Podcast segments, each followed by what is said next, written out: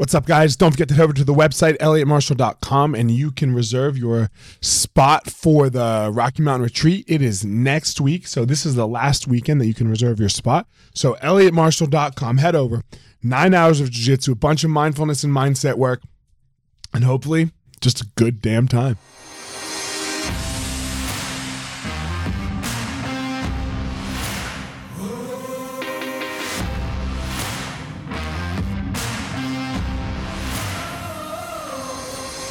What's up, my ninjas? This is former UFC fighter Elliot Marshall, and this is the Gospel of Fire, where we are going to learn how to go into the fire so that we can find our power and live the best life possible.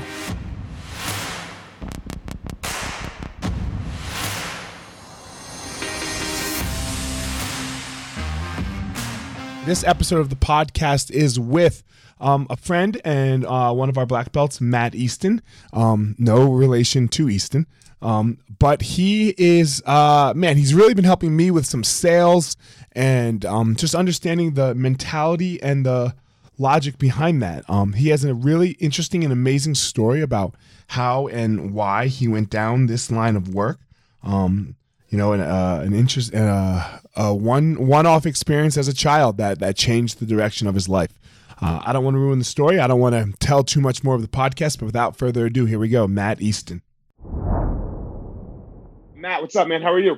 What is up, Professor? It's an honor to be here. Thanks for having me. Man, I have to say, Matt, last week, last Saturday, uh, we, we traded services, right? Like you helped me with some sales and website stuff, and uh, I did a private lesson with you in jiu-jitsu. And mm-hmm. I can't remember the last time that I did a one-on-one private lesson with somebody where I was like the uke as well, where they were demonstrating on me. But what I will say is this, Matt, your information to me in, on, on what you showed me, it was so good. I didn't mind. I didn't mind doing the private lesson. And I hate private lessons, bro. It's just like my marriage. Like I always it's like a good marriage. Each person feels like they're getting the better deal, right? Okay, Like I felt good. like I was getting the better deal. And you're like, man, this was good. So that's a good relationship. But I don't know about you. You maybe you like to do the what you did with me.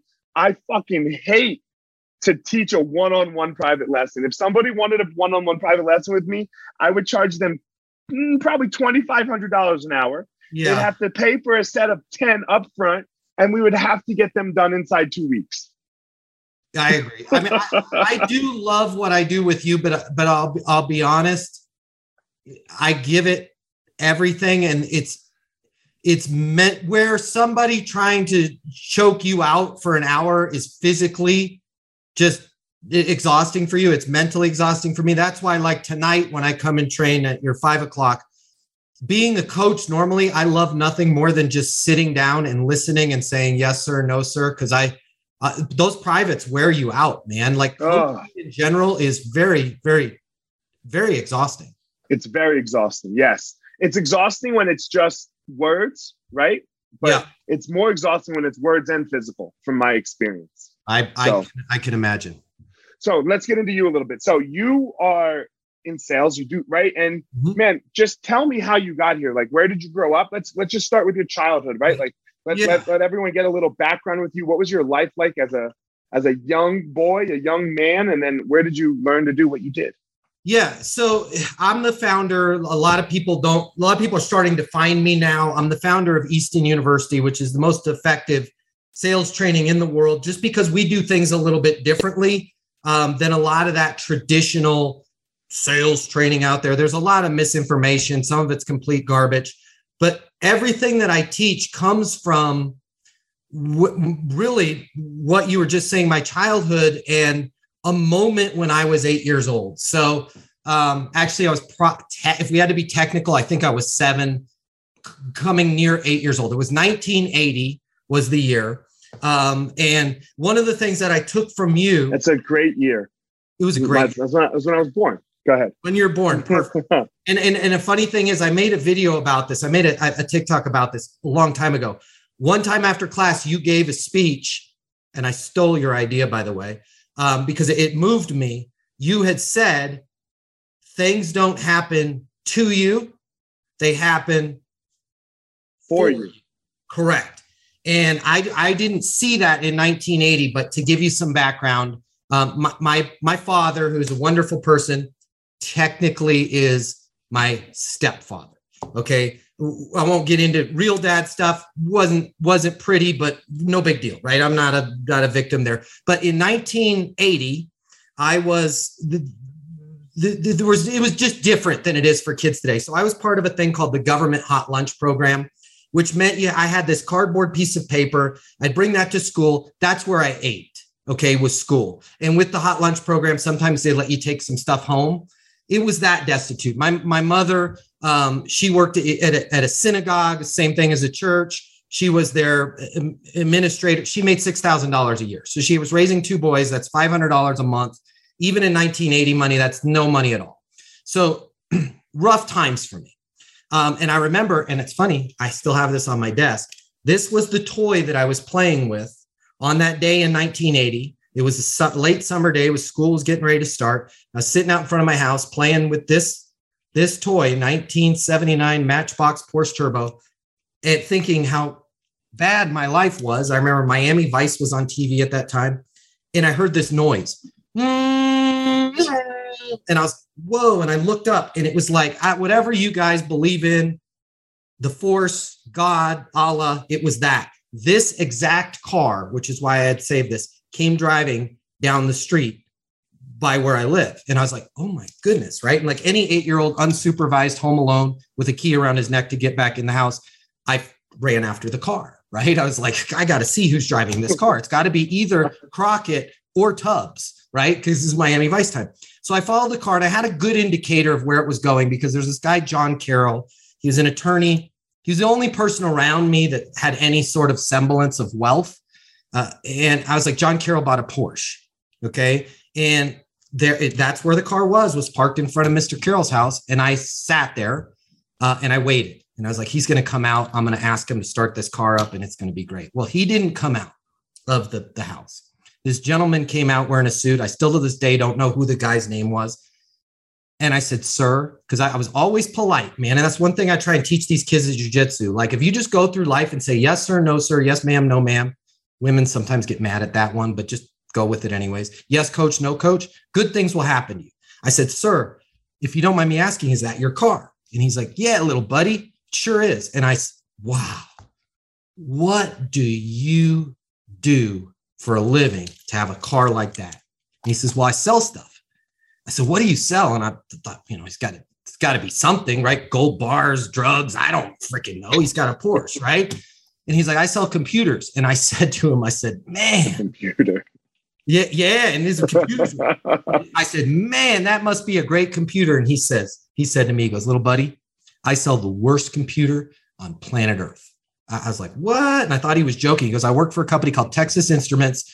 I sell what's called the TI 99 4. It's $1,500. And I'm the only person in the world that can sell it.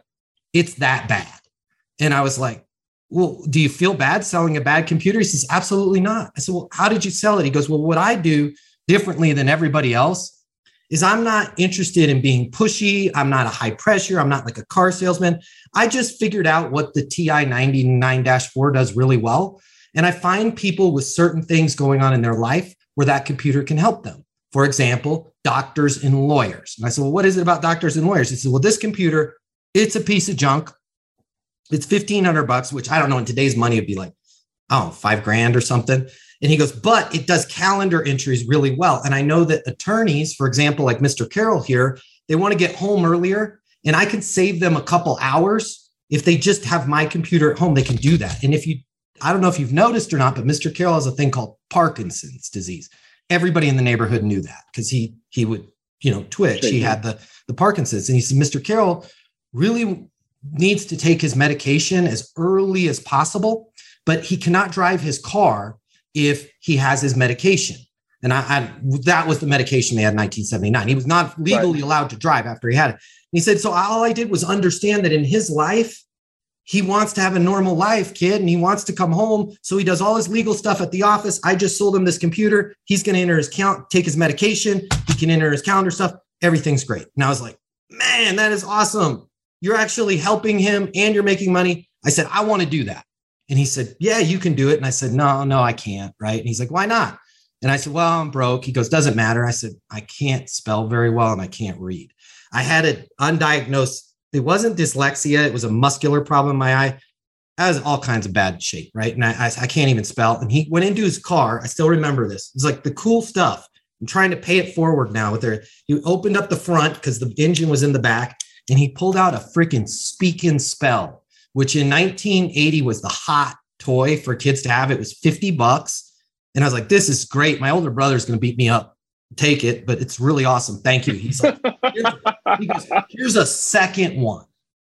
And I was like, whoa. And I went home with two speak and spells. So one, my brother was like, yeah, you finally did something cool. My mom was like, you stole this you stole this, right? I had to explain to her, no, no, I swear I didn't steal it, right? She's all good. But at that moment, my life changed because I was like, wait a minute, there's a way you don't have to have resources, you don't have to have money. All you have to do is understand what somebody needs and to be able to skillfully communicate and effectively. So I started all of a sudden I started putting all these deals together around the neighborhood. Like Elliot is, you, you play football, right? And your dad loves football. You've got extra pads laying around, extra helmet laying around. You don't like football that much, right? What you really want is a skateboard. But Chris has two skateboards and really wants a football helmet, right? So I started getting the kids to swap all this stuff.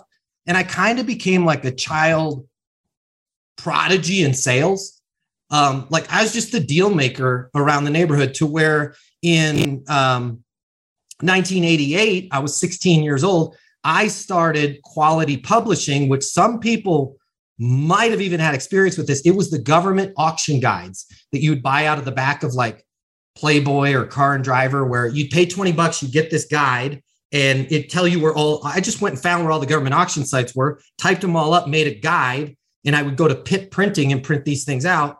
And I would go to newsstands all over Colorado and be like, man, you guys are only making like 50 cents when you sell a magazine. These are 20 bucks. I'll sell them to you for seven. If nobody buys them, I'll come and collect them. And it was a good little business. And I, I leveraged that business into other businesses. Uh, there's one called Astonishing Advancements. I start when raves were happening in 1992. I started a company called Rave Syndicate. Just thought I'd come up with a good name. Had never thrown a rave before. Um, we threw some raves. I went to all the record stores and we're like, you guys should sell tickets to parties because record stores were dying in 1992. Just started figuring out how I could help people get what they want. Um, started a t-shirt company. Uh, did you go to college, Matt? I did. Yeah. Did you go to um, college? I went to Fort Lewis in Durango, Colorado for two years. That's where Rave Syndicate was based out of. And then I ended up taking a year off. I sold cars in Austin, Texas, hated it.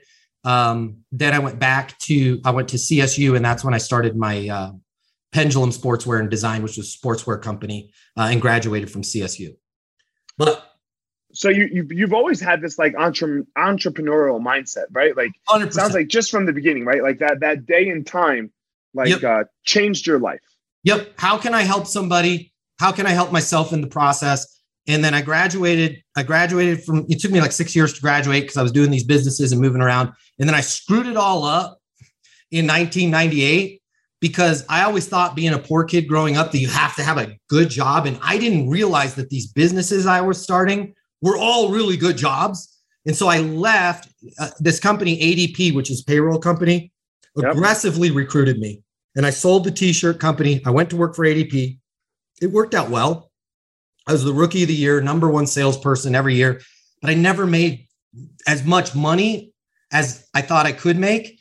And I, I started going through their sales process and their training. And I swear it was like I had jujitsu this whole time.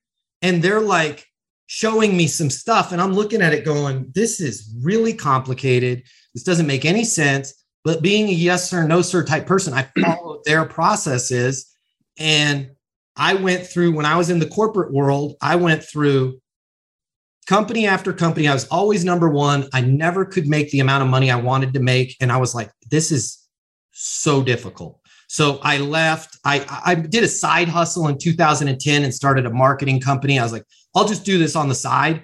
And it made a lot of money in the first year. And I was like, I'm on to something. sold that company. And then I started just being like, I'm just going to teach people my sales process.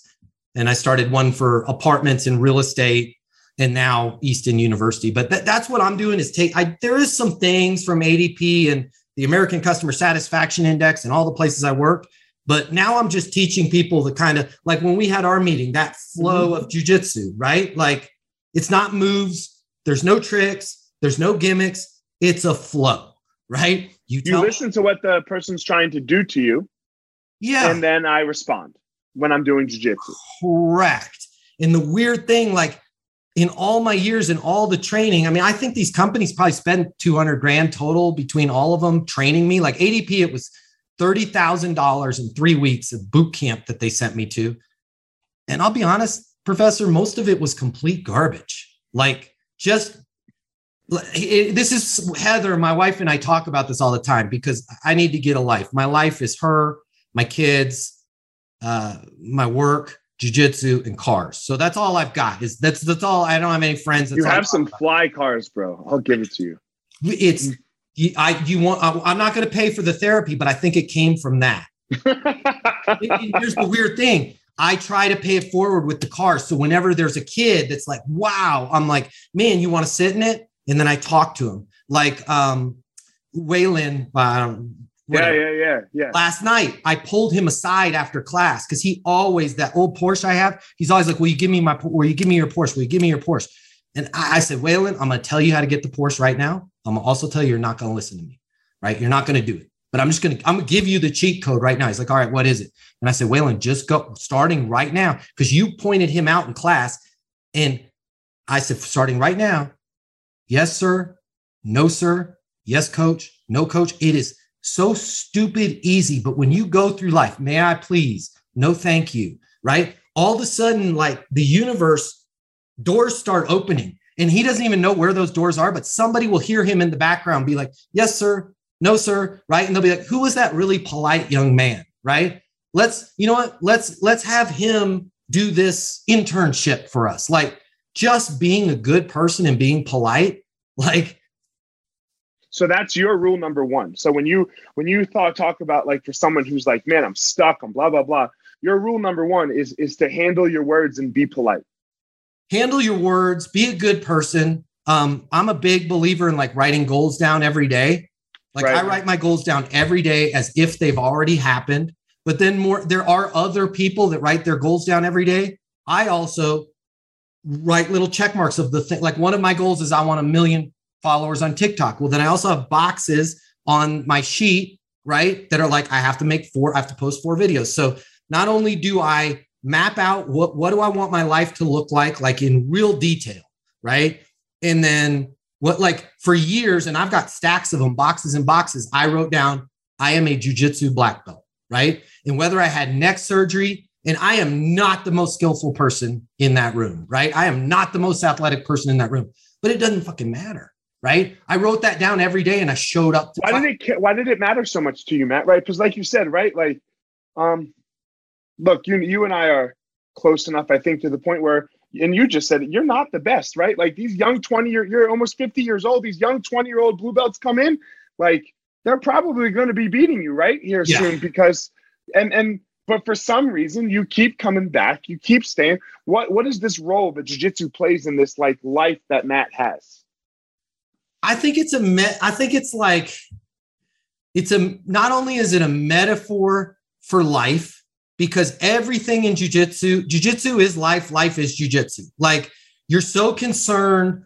in life like oh my God, if I start my own business, it's going to fail and I'm going to be embarrassment to everybody. And if I talk to this girl, she's going to shut me down. And like I went through all of that pain as everybody does in my life. And I realized it doesn't matter. Like the people that don't quit and get through, I, I don't know if one stripe white belts understand this, but probably most everybody that gets to blue belt, if they thought about it, start to realize it doesn't matter, dude. Uh, so what? I screwed up in class you're not watching them. You don't see that stuff. Everyone thinks I am, though, right? Everyone's like, "Oh, that, Elliot's over there watching me. He's going to give me my blue belt today. If if I beat this person, man, I don't even pay attention." And nor does life, right? Nor does life. Right. You ask that girl out, the universe, God, whatever you believe in, they don't care they're not paying attention, right? So just do it, right? It's never. And the other thing about jujitsu that I love is, at least for me personally, it's the one. And I think because there's an aspect of physical danger in it, it's the one thing where I cannot think about all of my other problems. So it's cheap therapy for me because if I'm thinking about this client that we need to gain or this argument that I had in my personal life, I'm going to get hurt, right? I need to pay attention to what's going on, or I, am go, I'm I'm primarily responsible for my safety. So if I'm not paying attention and I don't tap, right, and my arm gets hurt, that's on me. Um, so for an hour, I don't have to think about it. But jujitsu is just it sucks, it's painful, it's hard, and it's so. At least for me, it's so rewarding um, because it's something that I'm I'm not supposed. There's no like I spent my whole beginning. I wish I got into martial arts as a kid, but I kind of don't um, because I don't know if I'd ended up the, like my whole thing. I was really bullied a lot as a kid because I didn't have any money. I was tall early and I was really skinny. I mean, really skinny, like less than 100 pounds skinny. Um, and like, so I learned I had to be funny and quick witted. Like I still remember seventh grade, there was this kid that used to beat me. He duct taped my head. Like we didn't have anti-bullying. Like you just, and I come home, my mom would be like, "What did you do? Like you better swing back." Like my mom's from South Boston. She's like, "Right, back." You know, that was it. Um, I remember one time I, I rolled down on the the floor, and back then they'd be like, "Fight!" and all the kids would gather around. So the whole school is there. The whole junior high school is there. And this kid's getting ready to wail on me. I just fell on the floor. I won't say his last name if you're listening come train. I want to train with you. Um, but his name was Will. I thought he was so tough. And I was like, Will, if you don't mind, before we start this ass kicking, I would like to do the Shandling maneuver. And I just fell down on the floor and I got in a ball. And he was like, what the fuck is this Shandling maneuver? Sorry to cuss. He's like, what the what the, what the heck is the Shandling maneuver? And I said, well, I'm just gonna lay here in a ball, Will, and you just go ahead and kick me till your foot gets tired. And there was this moment because there was a crowd around where he didn't know what to do, right? And he kind of laughed, and then everybody else laughed in the whole school. And he actually helped me up, and he's like, dude, you're pretty cool, you know? And it was like, uh, that was like, I had to fight with my wits, you know? I had to fight with just being funny. I had to fight, but I also had to fight being self deprecating. And I wish I could have let that go, that self deprecation part of it, you know? Like, mm-hmm. uh, and so now jujitsu is is really healed me on all of that stuff, right? You think jujitsu makes you a jerk, like I know how to fight. It actually doesn't. Now I'm calm and cool and collected and can like get through any discussion because I feel relatively safe. You mm-hmm. know? Um, and I don't at the same time, too, I don't have to be a jerk. I don't have to be like Will was. I don't have to be a jerk, right? I can be skillful. I can be effective. I can treat other people with dignity and respect and myself with dignity and respect and we can both get what we want. Um, but I, I, don't know. Uh, jiu-jitsu has really helped me get to that better place in my life. Take me through a little more of like you know getting specifics because you i know like you know you like to relate like jiu-jitsu and sales sometimes mm-hmm. right? You know it, it's played this big of a role in your life. Um actually before you answer that question uh i want to step back one question. When you were getting your black belt a couple weeks ago or a couple months ago, you talked about uh, that you drove to the academy three yeah. times and yeah. then left without walking in the door. Tell me what that was all about, right? And like, and what overcoming that fear was like for you. Yeah. So eh, I'll tell you, my whole jujitsu. So my wife is a is a model by profession, and she worked for Burton Snow. And I, I grew up. I was sponsored um, for snow. I was one of the first people to be sponsored for snowboarding when I was in, in high school. That was my big thing with snowboarding. By the way, it's not as glamorous as you would think. Snowboarding in the 80s was like not cool. Like I didn't get not get a date with a girl because I was sponsored for not like it is today. And you didn't right. get money or anything. I just got a free snowboard. And I was, you know, that was I was happy with that. But my wife, this was uh 2000 and seven, if I had to guess. She was working for Burton Snowboard. She was a runway model for them, and um, a bunch of pros had come out. We all went to dinner. Um, Jake Burton was there. He's now passed away. Great, great guy. But one of the snowboarders was like, dude, because that's how they talked. He's like, dude, I gotta get back to the hotel because tap out's coming on. And I was like, what? What is this tap out? And he's like, you know those douchey guys with the stickers on their cars? And because I had seen the stickers, this was when everybody right. tap out stickers. And I was like, yeah, what is that? I don't know what that is. He's like, you have to see this show. It is so badass. It's about fighting. And I was like, ah, I don't watch that UFC stuff. Yeah, I'm just not into that. He's like, no, dude. No, bro. You've got to see this show. There's this guy that wears makeup, and there's this guy with this afro. And I was like, I got to see what this snowboarder wanted to get back to the hotel. And I turned it on. It was on Spike TV, right? I got home, I turned it on too. And I was like, dang, this is pretty cool. Well, just, universe, right? Porsche. It just happened to be an episode. And I'm still trying to figure out where this was but it was an episode with Donald Cerrone, right? Mm-hmm. And and they're like cowboy, cowboy, and Mask was all yelling. You might have been in the background of that. I was in I was in the episode, yeah. Yeah, yeah. So I saw that and I was like, I got kind of got hooked on the show, right? Because I really Mask, who's also dead now, I really kind of identify. I think that guy's a good person. I don't know. I've never met him. I'm sure you have, but he seemed like a decent human being, right? And I was very like, good guy yeah, I was like, this guy's got a lot of the same values that I have, right? And I got into the show, but I remember um, Donald and you were in the whosoever was training, but I lived at Third and Speer, which was right by the Favela at Third and Broadway, and I was like, I think, and I don't think it was filmed in there now. So everyone can understand the favela. It's what we used to call the old Denver school, because mm-hmm. uh, it was uh, it was really shitty. Uh, so you know, in Brazil, the the ghetto is called the favela, and we called the the Denver school the favela. Yeah, so I saw that stuff, and I remember. I think in the episode, I don't, but I there was at least an Easton logo. Yeah, wearing mm-hmm. Easton shorts. But I was like, that's that place that I drive by all the time. So I was like, dude, I'm gonna be Cowboy Cerrone, right? Like, I'm like, I need to at least just check this out. These people seem really cool. And just like asking out a girl, right? Everybody's got a plan until you're getting ready to walk up to her.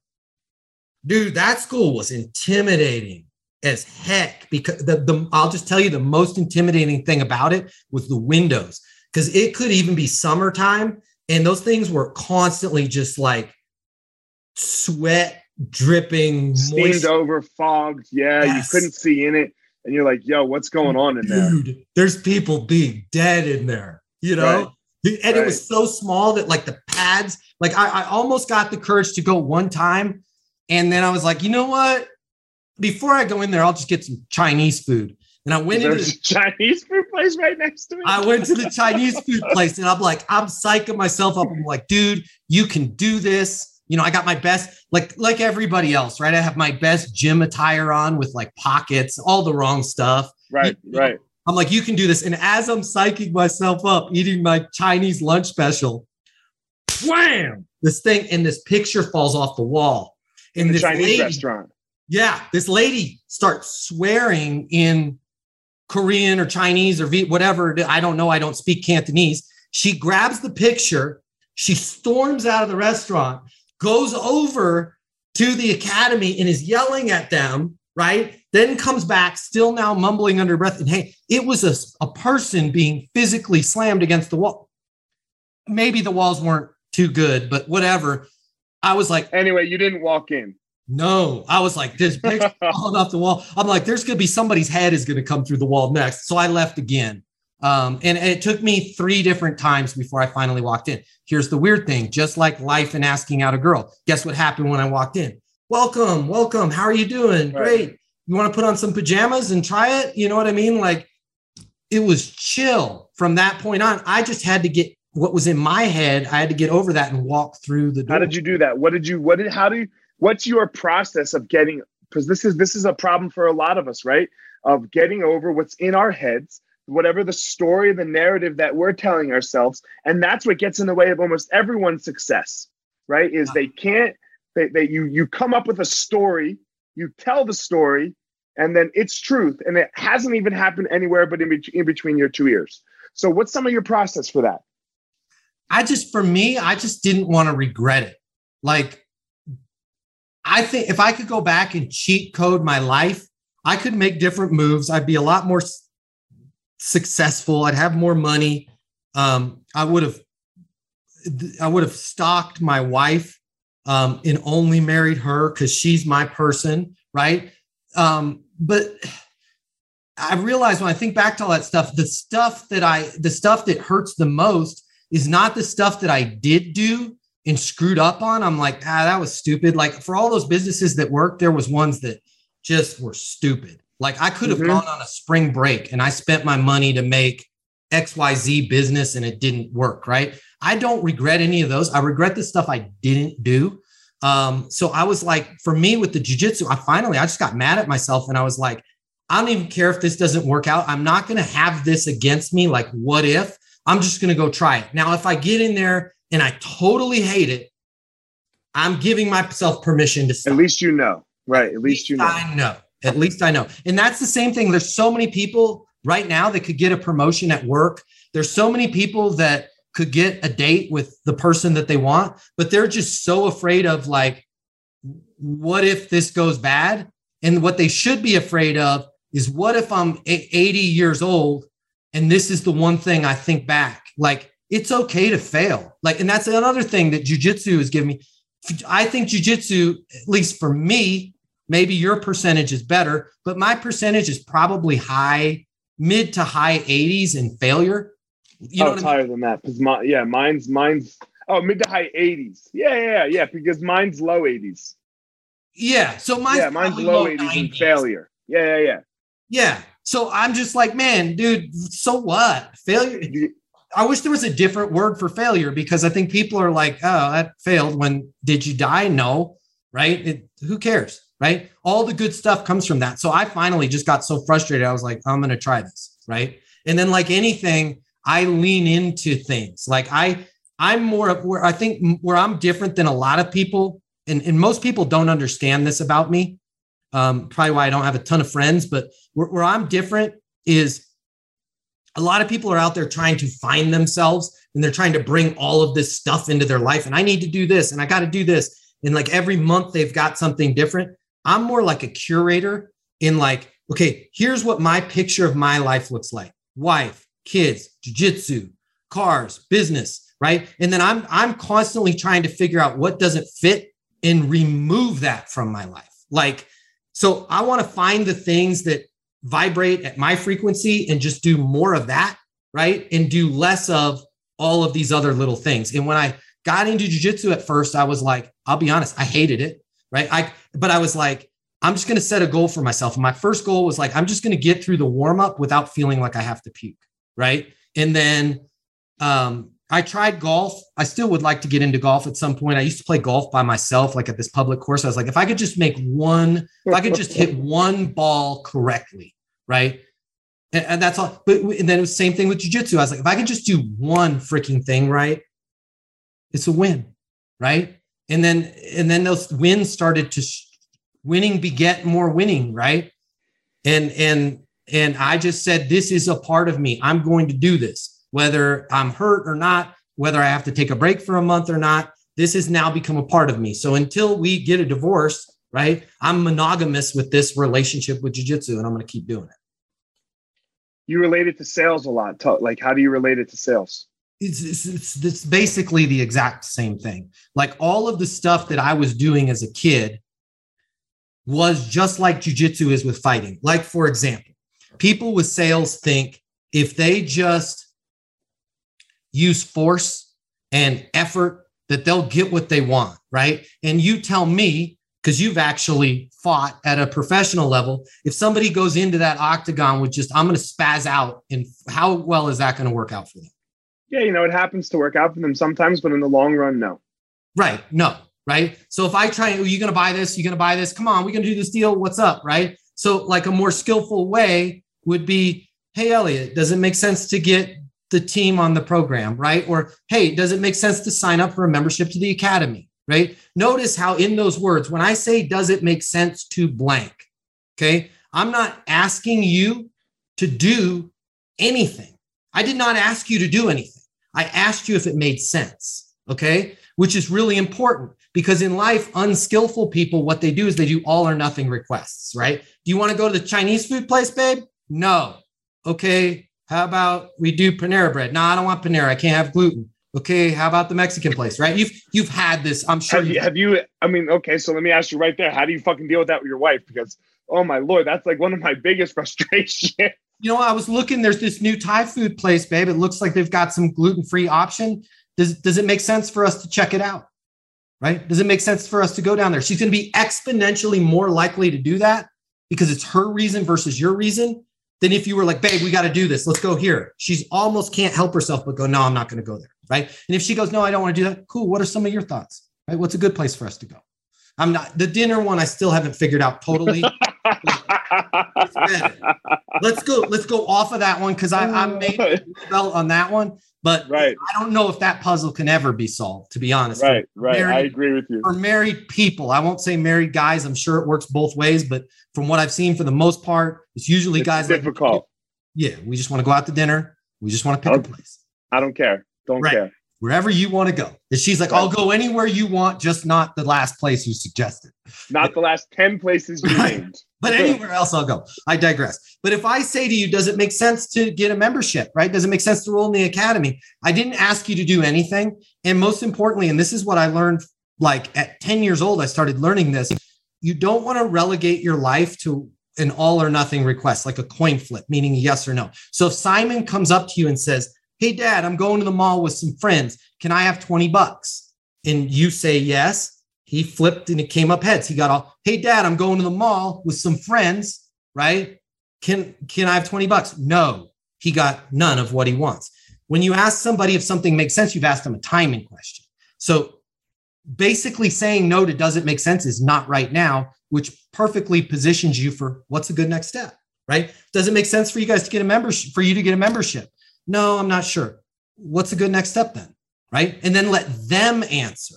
This is so much time in sales. We think it's all about us having the right answer, right? I need to come up with some witty way of you're going to get fit. Maybe they don't care about fitness, right? Or you're going to learn how to fight. Maybe they don't care about that.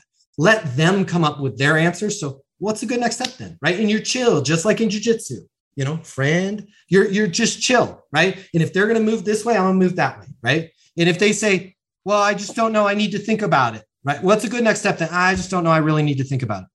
Perfect. Makes perfect sense. What's a good next step on my end? Call me tomorrow. Isn't that amazing? When you when you just never put pressure on people, you end up getting more of what you want. You'll be like, God, this person's never going to sign up. Um, I'm never going to hear from. What's a good next step? I don't know. It's a big decision. I just need to think about it. Makes total sense. I totally understand. Right? It's it's a different environment. What's a good next step on my end? Is there any way you can call me tomorrow? Right. Or the same as jujitsu, like you teach, there's no moves. You just always have a flow. Let's say I say, does it make sense to sign up for the academy? No, not right now. What's a good next step then? I'm not sure. I need to think about it. What's a good next step on my end? I, I just don't know. No problem. Perfect. I'll I'll follow up with you Friday at 4:30 if we haven't heard from you before then. Fair enough, right? So now I'm going to put I can create I can create the next step, but I'm giving them every opportunity to do the thing I want them to do. Um, another, yeah. When you think, Matt, let me, uh, when you think about like your superpower, mm-hmm. right? Like, like this thing that make that really like you get to go give to the world. What do you think that is? I think, and everybody has a different version of success, but I think the people that are like, money is not important right? Money's not important. I don't think, and this is just my opinion, I don't think those people have ever experienced poverty. Okay. Uh, if, if you're a person that's like, man, money's not the most important thing in the world, you have never had to whip out a card to get sloppy joes from the hairy lunch lady and be like so thankful that that was your thing right if you if you're like man success and being successful is not important you really don't care that much about helping other people in in the world because I'll be honest, if you're broke, you, are one to one. I can only I can only donate so much of my time. I can only work in a soup kitchen so much. But if I have ten thousand dollars I can give, I can create a lot more movement. So I think my superpower is having people that didn't think they could be more skillful and more successful, showing them a way to where they're a lot closer to being able to improve their lives than they think they are. And I think I'm able to show people in a way where They're able to make more sales if they work in sales. They're able to get a promotion. Everything in life is sale, right? So they're able to get more skillful relationships. And what I teach also works in in relationships. You know, it, it's basically like just jujitsu for life. Um, you know, knowing what battles to fight, knowing what battles not to fight. I just did a big thing with Allscripts um, before we had this podcast, which is one of the largest like medical software companies in the world. And one of the things that we talked about is like 90% of the things, and this is the same ratio in your personal life that you think are an objection, right? That you need to overcome. I better come up with some witty, clever way to get this girl to go out with me or to get this uh, medical practice to buy our software or to get a promotion. 90% of the things that you think are a hard no and objection, they're not, they're just complaints, right? And if you just flow, and I hear you, man, you guys are really expensive. I hear you, I get it, right? It doesn't come back. Like my, my son does hockey. I'm late all the time. And my wife, he's starting to tie his own skates now, so this will be gone. But one of us have had to tie his skates because he's not doesn't have the strength to pull them tight. And my right, wife, that shit's hard, right? Really hard. And my wife doesn't have the fingernails to really want to be doing that because they get torn up. My fingers are just jacked from jiu-jitsu anyways. So she wants me to tie the skates, right? Every single time I'm always late. And it's five minutes late, not that big of a deal. It is a big deal when you need to tie the skates. I don't go, babe, dude, I was on a podcast with Professor. If I'm not getting the word out there, well, hey, we got employees, they're not going to eat. Babe, there's traffic. I don't do any of that, right? You're late. You're right. That's it. You're right. I'm late. It doesn't come back, right? There's no, even, you know, you're meeting somebody in Starbucks. Dude, I was in front of you. Cool. I get it. I hear you. Like people, it's weird, but people have realized like agreement and understanding we've somehow like welded those two freaking things together and i think it's the worst thing that's happened to our society to where like i can't have a discussion with you right now. I cannot simultaneously understand you and disagree with you right? We need to learn to like break those two things apart and if you say something i don't agree with i can simply say elliot i hear you right? I understand you and there's no argument there then right? We're just yeah it's just we, are yeah that's a good point there's no fight. You, you know yeah. what I mean? But we're just taught unskillfully in our life to just go through our life. I'm going to swing first and I'm going to swing hard. And if you say some stuff and it doesn't fit with my political agenda or this agenda or my religion, whatever, I'm going to show you how freaking wrong you are. Right. And it's just okay to go, bro, I hear you. Right. And if you want to understand more, help me understand that. Right. Unpack that for me. Right. Yeah. Like, I'd love to know more about that. But we don't do that stuff. Like 90%, I'm telling you, in your business, you've got multiple businesses that you're running. And I bet you if your people, which most likely they're not, because this is like high level, like you have to get on this mental plane. But if your people realize most of the stuff is just a complaint, I bet you the people walking into your office with stuff would reduce like 70, 80% of the time somebody comes into your office and is like, so and so did this or that or that. It's like they're making it's not my office, it's Mike's office they complain to. But yes, you are you are making problems that were never problems. Right. right? Here's the one thing that a real problem and a real objection, if a customer has a real objection, if your wife has a real problem, there's one thing that is a hard truth. She will bring it up with you again, right? You do not have to worry about winning that fight round one. Just say, babe, I get it. I'm with you. And if it is really something that needs to be changed, guess what she'll be? Dude, we got we no, seriously, hon. We've got to talk about we have no money. We have no money. We can't eat. It's coming up again. It's not it getting will solved. Come up again. Right. So you don't saying. have to fight every you don't have to win every single battle the first time somebody. It's like, I guess in fighting, it's more like a feint. You don't you, know I mean? you don't have to give it back. I got hit. I don't have to give it back right away. If you I, it can come in time yeah, if you're a fighter and you bite on every feint, how's that going to go for you? Yeah, it's going to get fucked up. Right. In life, we sit there and we bite on every single everything. Somebody looks at us the wrong way and we're like, what's up? What's up? Right. No, dude, that was my parking space. Hey, I get it. I'm with you. True. Right? Dude, you parked like an asshole. You are absolutely right. My bad. Done. So Matt, tell everyone like where they can find you on Instagram and TikTok and all that stuff if they want to work with you. Tell them where they can find you. Uh, EastonUniversity.com is our website. Uh, phone number is 800 628 1456. TikTok, Easton University, uh, and Instagram, Easton University. Just type in Easton University. I am not related to the school in any way, shape, or form. Um, th- th- it's not the same thing, but same same spelling. Sounds good. Matt, man, thanks for coming on. I really appreciate it. Guys, as always, look, don't go out in the world and try to be Matt. He has his unique and special power. I have my unique and special power that I have with my life.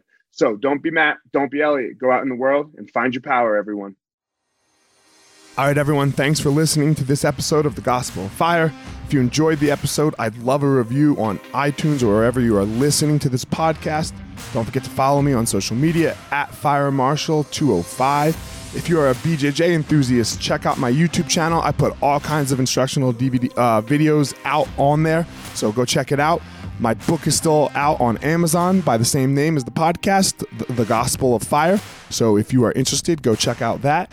And most importantly, guys, go out there every day, find your power. Thanks a lot.